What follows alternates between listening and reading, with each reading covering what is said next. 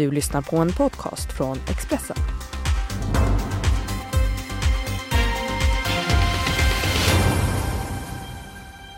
Vad får man säga som politiker i det här jävla landet egentligen? Ja, det är temat för dagens Politikpodden i det första av två specialavsnitt som vi spelar in här live i Visby på Almedalsveckan på Expressens scen. Vanligtvis är det ju Expressens Malin Roos som programleder den här podden om den senaste veckans politiska snackisar. Men idag är det jag, Karin Olsson, kulturchef på Expressen, som vikarierar. Och vi ska gräva lite djupare idag i det politiska debattklimatet. Det beskylls ofta för att vara mer polariserat än någonsin, samtidigt som det också beskylls för att vara ängsligt. Hur går det här ihop egentligen? Och vad får man som folkvald politiker och debattör ens säga? Eh, det ska vi diskutera vidare med dagens panel som består av författaren och Expressens politikreporter Torbjörn Nilsson och dessutom författaren och kolumnisten och podcastveteranen får man Verkligen. säga, Alex Schulman. Alex, hur känns det att vara med i ett, här, eh, ett poddavsnitt utanför ditt trygga rum med din poddkollega Sigge Eklund? Ja, men så här, Torbjörn är ju på samma sätt som Sigge en eh, rätt långtradig babblare. Så att det känns ändå bekant på något sätt. Alltså, när han väl börjar prata så slutar han ju sällan. Så jag känner att jag kommer ha en lugn stund här och bara lyssna på det han har att säga. För det är ju också kloka saker får man väl säga. Han är, han, han är kunnig på vissa områden ändå, Torbjörn. Men Sigge Torbjörn, om, Ja. Torbjörn, om jag ska tvinga dig att svara kort nu. Ja. Ja. Det var så kul för att du sa ju det, det, det, det som feedback innan vi började. Kom ihåg nu Torbjörn, säg inte så här för det första, för då vet man att det kommer ett för det andra och då tar det aldrig slut. Nej, precis. Jag kommer i protest vara tyst. Men jag har faktiskt en, en, en annan metod här för Ja, att få Torbjörn att Ja. hålla sig kort här. Jo, jag tänkte be dig sätta ett getingbetyg på Oh. Almedalsveckan så här långt. Hittills. Ja, den har inte, vi har inte gått så där fasligt långt än, vi befinner Ha- oss på tisdagen. Får man utdela halva? Ja, det kan du få Ja, då är göra. det två och en halv. Två och en halv, Ja. ganska lågt. Ja, ganska lågt hittills. Ja, vad är det som drar ner betyget Ja, då? men det är eh, mellanvalsår, allmänt lite sådär. Eh, och jag skulle inte säga att någon riktigt vill någonting. Alltså det är ju väldigt mycket vi måste genomföra. Vi har haft ett, ett jättejobbigt, nu är jag ett parti liksom, vilket parti som helst. Vi har haft det asjobbigt i ett och ett halvt års tid. Nu vill vi bara hitta en solstol och ta en paus på något sätt. De har liksom inte haft semester på ett och ett halvt år riktigt, politikerna. Så man kan inte är förvänta det därför de sig... inte orkar åka hit? Ja, det tror jag. Ja, det tror jag är den och så rimliga hittar förklaringen. man det här att vi Alltså, vill så här, vara folkliga och åka till Ullared Först, så, först så håller de ju på ett halvår minst innan ett val. Och sen är det själva valrörelsen, sen var det ett halvår regeringsbildning och sen var det valrörelse igen.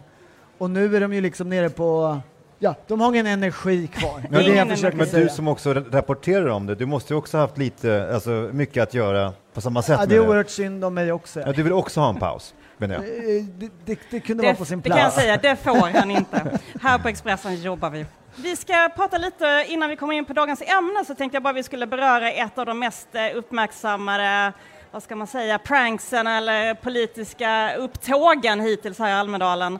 Och det var ju när Lufs eh, ordförande Joar Forsell eh, beslöt sig för att protestera mot det nya utvidgade rökförbudet. Och, då, och då köpte han en sån här cigarettutstyrsel på Buttricks, klädde på sig den, arrangerade en kedjerökning. Han är själv astmatiker, så han fick låna en cigarett. Vad är det här egentligen? Är det effektivt? Är det ens kul? Eller är det bara töntigt? Alex, vad säger du? Ja, men det man kan säga är ju att det är det som folk pratar om än så länge. Det är ju Almedalens stora grej eh, hittills. Det är väl det. Det är ju inte då att Moderaterna vill eh, förbjuda tolkar eller, eller vad det var, utan det är det här som jag då, för jag var nere i ett, och deltog i ett radioprogram eh, på Sveriges Radio igår. Då pratade man om, om den här luffmannen. På vägen upp så pratade jag med tre, fyra personer som alla ville höra vad man tyckte om, om honom. Jag tycker ju att det där är ganska bra. Alltså, det är ju tramsigt som allt annat här, men det har i alla fall fått ett, genomslag. Och det funkar väldigt bra tycker jag med Lufs liksom, grund. De, vill att, de, de, vill, de är liberala och de hatar att man inte får röka. Jag, jag kan sympatisera med det. Torbjörn, är du, delar du eh, jag är, ja, åsikten? jag är starkt positiv. Som, eh, som, som liksom bevakande journalist tycker man ju att det där är... om inte så roligt i stunden så är det ju väldigt roligt på några års sikt. Jag, min, jag minns när, det- när det liksom var folk utklädda till emuer under EMU-val, r- liksom rörelsen, för eller emot EMU. Då kom de utklädda som emuer. Vad är en EMU? Alltså det är en gammal stor fågel som är typ utdöd. Alltså, du, är den enda, du är nog den enda som kommer ihåg den. Ja, Ja, men, men, det- ja, men vad, vad betyder det? Alltså varför kom de som EMU? Ja, då, jag, jag, jag, jag minns inte. Alltså det, går ju tolk, det gick nog att tolka Var på de vilket för sätt som eller helst. emot EMU? Det minns jag inte. Men Okej. det minns många. Jag är inte den enda som minns det här. Det minns många. Vi kan fråga dem på gatorna här. All, det finns ett, ett minne i väggarna. Det många minns däremot var ju när Gudrun Schyman brände upp, eh, vad var det, 10 000 eller Ja, till och med precis. 100 000? Det är ju det som är det mest kända liksom, gatustantet sådär, i Almedalen. Men jag vet inte, det var ju... Ja, men det har ju inte den där fåniga grejen som den här cigarett... Alltså som all utklädnad har egentligen. Alltså utklädnad är ju roligare för att det är fånigt. Titta bara på de här... eh, Getingarna? Ja, exakt. De här getingarna som någon har dragit hit. Jag vet Ja. inte vilket företag det är. Men som går runt här, jättestora getingar. Det är superroligt. Ja, alla älskar Gettingen, alla vill ta en selfie med den. Okej, så tummen upp då för Johan Forsells cigarettaktion. Verkligen. Det här med åsiktskorridor, det är en debatt som lite har klingat av, men som ändå eh, finns i debatten och finns många som tycker att den eh, fortfarande är för trång. Det finns också en bild att vi har en politiskt korrekt medieelit å ena sidan och å andra sidan en, ett verklighetens folk som tycker och tänker helt annorlunda. Eh, och att detta skapar orimliga spänningar i vårt samhälle. Stämmer den här analysen, tycker ni? Eller vad, vad är liksom er, era tankar kring den här beskrivningen som ändå återkommer ofta? Ja, Alex? jag, men, men, jag, jag, det, som jag slagit sa vi att där, det är både väldigt trångt och väldigt brett tycker jag i den här åsiktskorridoren. Det är det som är så märkligt med det. Man får både säga egentligen vad som helst och man får inte heller säga eh, någonting. Och det verkar också bero på helt och hållet på vem som är avsändaren. Jag, jag såg nu Hanif Bali igår och eh, eh, Live.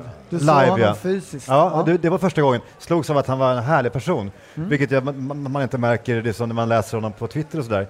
Men om han, han sa ju då, vad, var det han använde för ord? I IS-honor, om IS, IS-kvinnorna.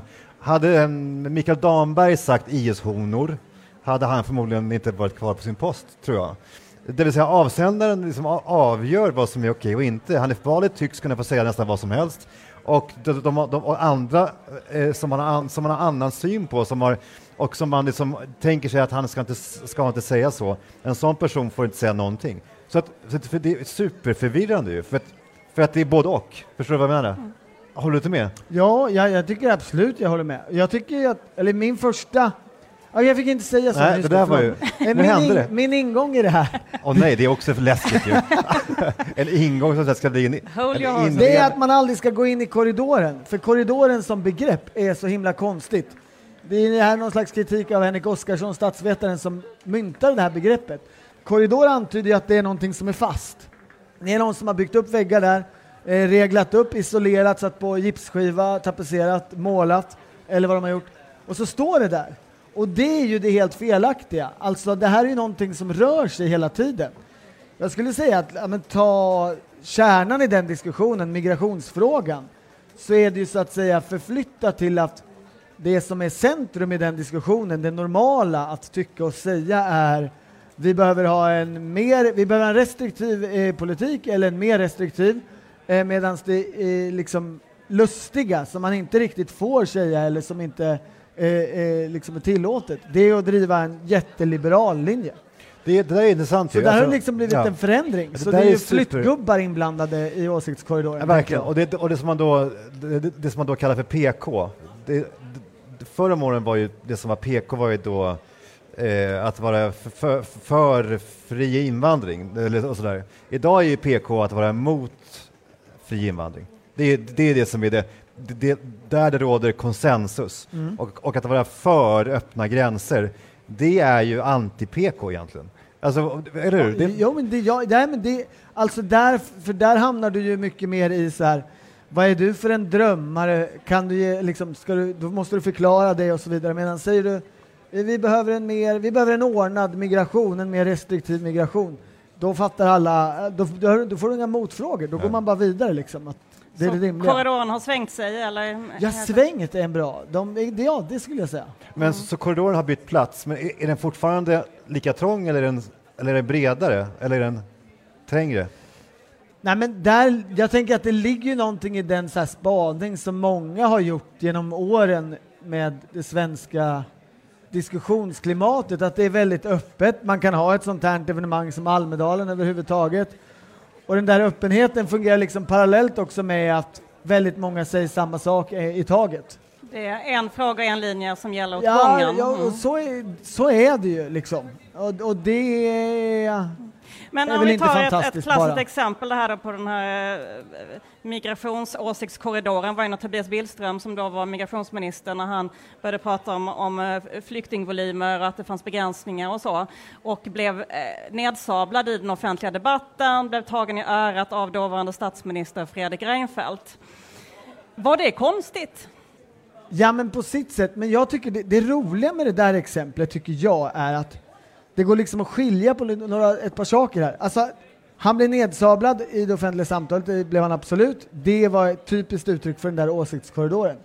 Men var den saken att han blev tagen i örat av Fredrik Reinfeldt en effekt av att han blev nedsablad i offentligheten eller en effekt av att Fredrik Reinfeldt inte höll med honom? Då är ju så att säga tagningen i örat om den handlar om att Fredrik Reinfeldt har en annan ståndpunkt. Partiledaren har en annan ståndpunkt. Det är ju alldeles okontroversiellt egentligen. Det händer i alla partier hela tiden att en partiledare säger åt eh, liksom, en politiker att stopp, stopp, eh, hit men inte längre. Liksom. Eh, Och Fredrik Reinfeldt var ju väldigt eh, liberal i Ja, migrationsfrågan. men Mm. berodde Fredrik Reinfeldts reaktion på den offentliga reaktionen, på åsiktskorridoren, då är det ju där så att säga problemet existerar. Och i diskussionen om åsiktskorridoren har man utgått ifrån att den, tycker jag, berodde på, på, på, på den delen, att Fredrik Reinfeldt reagerade på den offentliga reaktionen på, på Tobias Billström. Och det vet jag inte riktigt om det var, att det var så enkelt. Eh, ett aktuellt exempel är ju Nyamko Sabuni som när hon kandiderade till eh, ny partiledare för Liberalerna, vilket hon sedermera blev, så gjorde hon en intervju i Expressen med Thomas Nordenskjöld där hon eh, ja, sa lite saker som fick väldigt starka reaktioner. Hon sa att det här med mångkultur är ingenting att ha. Eh, Hon sa att personer som inte har flyktingstatus, de ut bara med dem vid gränsen, ut med dem. Ett väldigt brutalt eh, språkbruk och fick väldigt mycket kritik. Sen gjordes det en demoskopmätning, vad folk tyckte. Tyckte Nyamko Sabuni var toppen och det var inga konstigheter det här och så.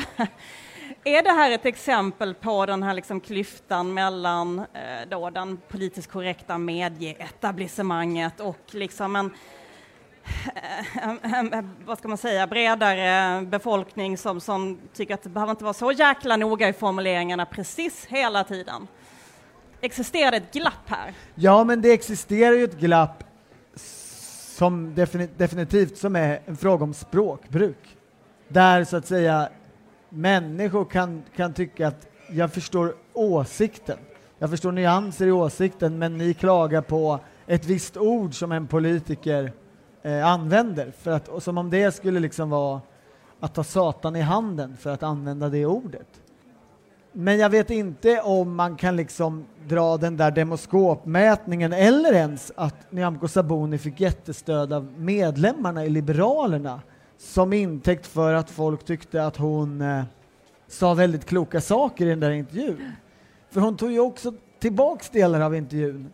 Eh, Eller man vet inte Nej, hon vad tog, hon tog inte, hon tillbaks tog inte tillbaka sina citat, men det var luddet runt omkring eh, i denna väldigt stringenta Ja, men, nyhetsartikel. ja, men alltså, det, Ja. så kan man inte bete sig. Det Så är orimligt som sig. politiker. Då hade hon inte heller läst demoskopmätningen antar jag, för då hade hon nog inte sagt ett ord. Nej, antagligen. Men Alex, du är ju, om jag får säga det, du är liksom både PK och icke PK på samma gång.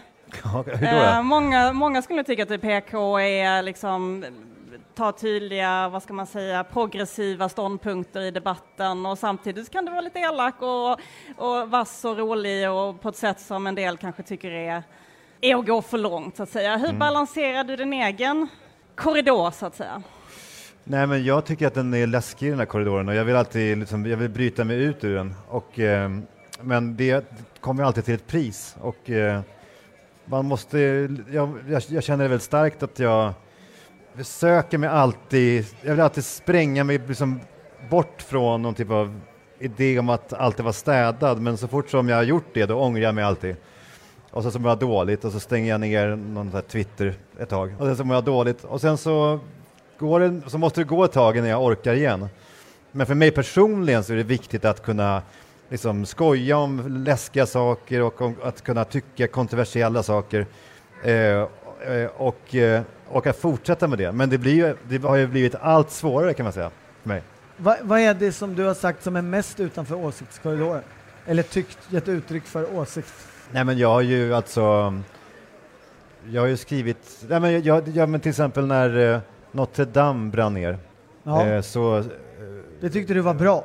Nej men i det här flödet som jag hade i min feed på i, Instagram där alla sörjde, plötsligt var det som att hela Sveriges kändiselit hade inte bara varit där, de var typ uppvuxna i Notre Dame, alltså inne i kyrkan, inne i katedralen. Och då kände du ett instinktivt behov att säga emot? Ja, ja, verkligen. Ja. Och då skrev jag då, liksom, då tog jag den här bilden som alla använde och så skrev jag äntligen. Ja. Och eh, det var ett ganska tydligt skämt tycker jag ändå, alltså en reaktion mot det här liksom.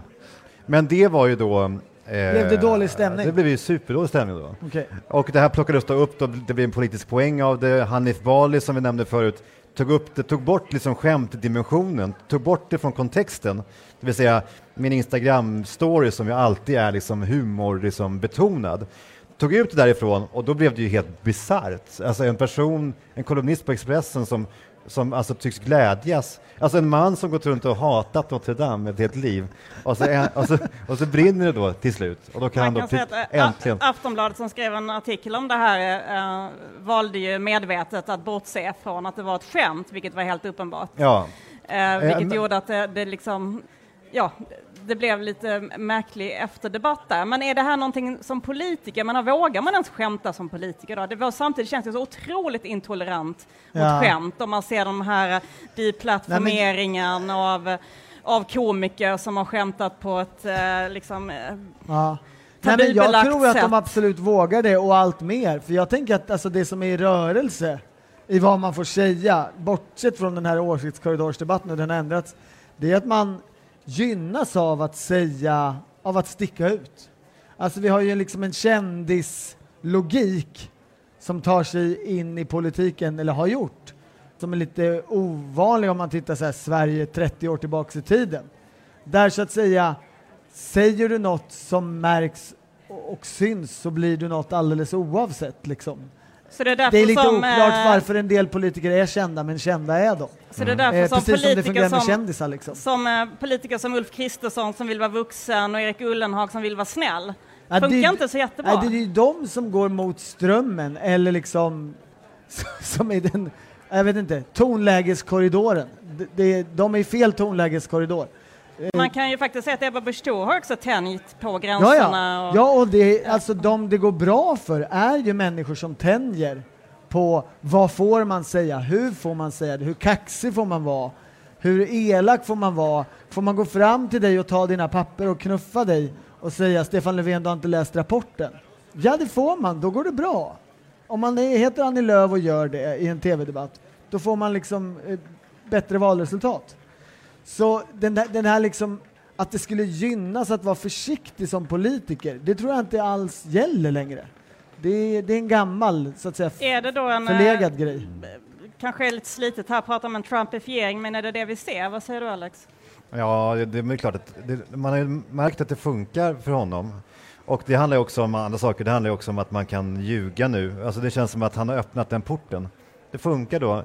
Jag läste att han hade ljugit för tiotusende gången i, eh, i, sen han blev president. Och det här, den här stilen, den ser jag att den funkar. jag vet däremot inte vad som är, alltså det vet, alltså, eh, Hägglund eller Jan Björklund som ju skojar på ett nästan fånigt sätt. Mm. Och så finns det ju då de här andra, Hanif Bali som, som, som ju skojar på ett väldigt provocerande, medvetet provocerande sätt. Det är en stor skillnad på de två menar jag. Ja, det är det ju alltså Hägglund och Björklund-kategorin är så här pappaskämtsfigurer. Ja, pappa är pinsam och, också. Och, och eh, Hanif Bali och, och många där är ju, är ju, skämtar ju i politiskt syfte. Men jag tycker också det är intressant, egentligen är det där att ta in runt Fredrik Reinfeldt när han var ganska ny som partiledare så fanns det alltid en intern aura av Fredrik framstår ju som väldigt korrekt, tråkig, seriös. Men han är ju asskoj. Han är en gammal teaterapa som liksom gör stand-ups när vi har möten inne i Moderaterna och sådär.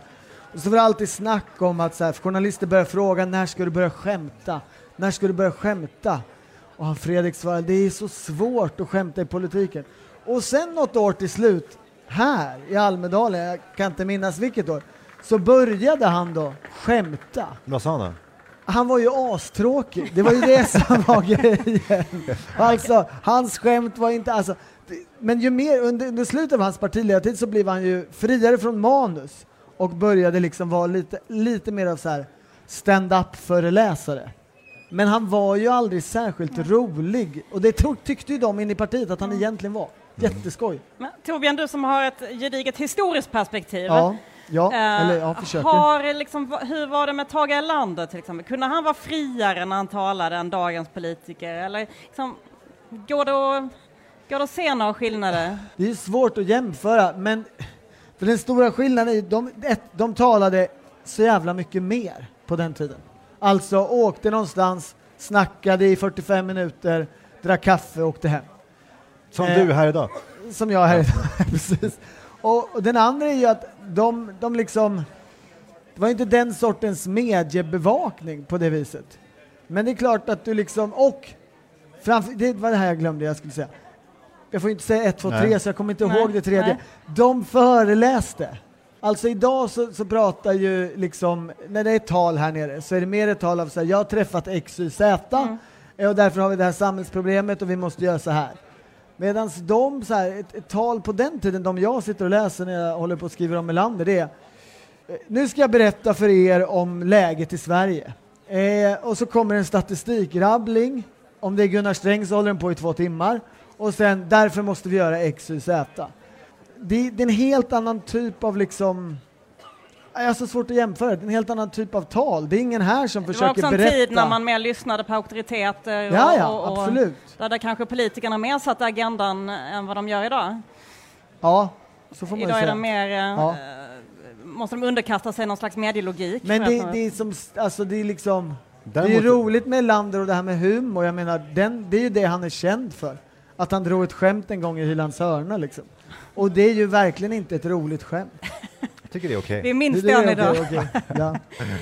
Men, Men Alex, om vi, om vi dröjer lite kring det här med liksom, vad får man säga och inte, vad blir nedsablat i offentligheten? Är det också, menar vi som är medierna, har vi också en uppgift att liksom klanka ner på dem som blir vulgära? Nyamko Sabuni blev ju faktiskt vulgär. Jag menar, det funkar inte med någon, någon lagstiftning att kasta ut folk vid gränsen. Är det inte rimligt att det, att det blir det här drevet Eh, om man nu ska kalla det så, kring uttalanden som, som går för långt utanför de upptrampade stigarna. Jag tycker att det där är superviktigt. Alltså jag, jag, eh, och det här är ju egentligen därför jag skriver kolumner för Expressen.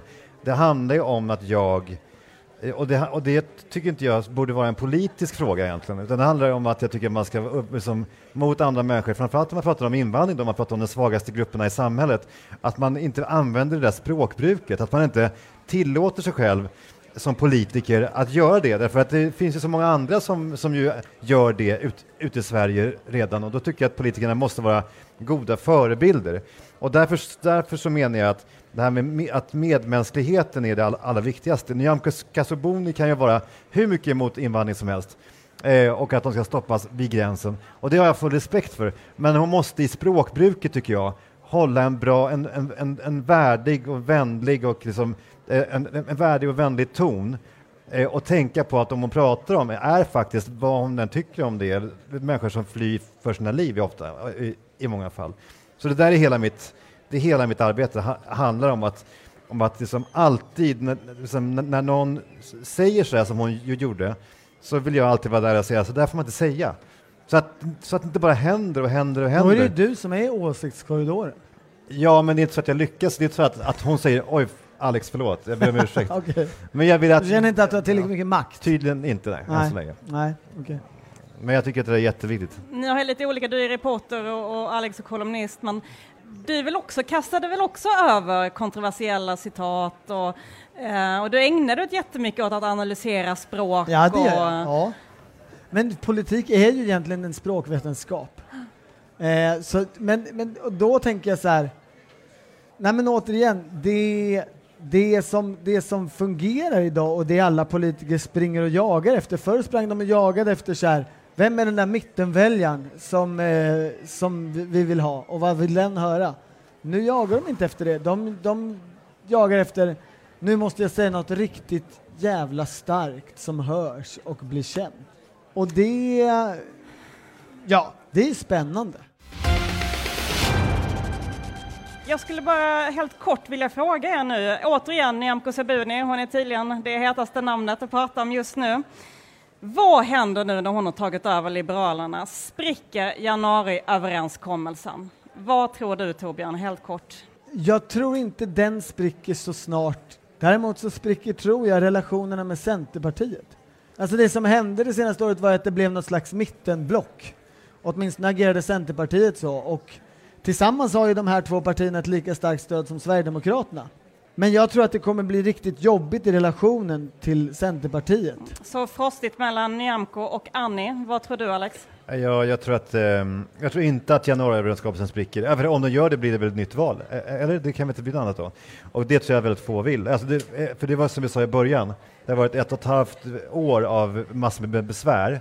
Och jag tror att, eh, jag tror också att, att Nyamko själv skulle vilja samla upp sig och mobilisera och få till ett riktigt val där hon kan göra en enorm framgång istället för att kasta sig ut i den här osäkerheten. Och om det nu händer så blir det hon som är den skyldiga. Det är hon som har, som har startat allt. Hon som förstörde semestern. Jag menar det. Och jag tror inte att hon vill vara den personen alldeles i början här.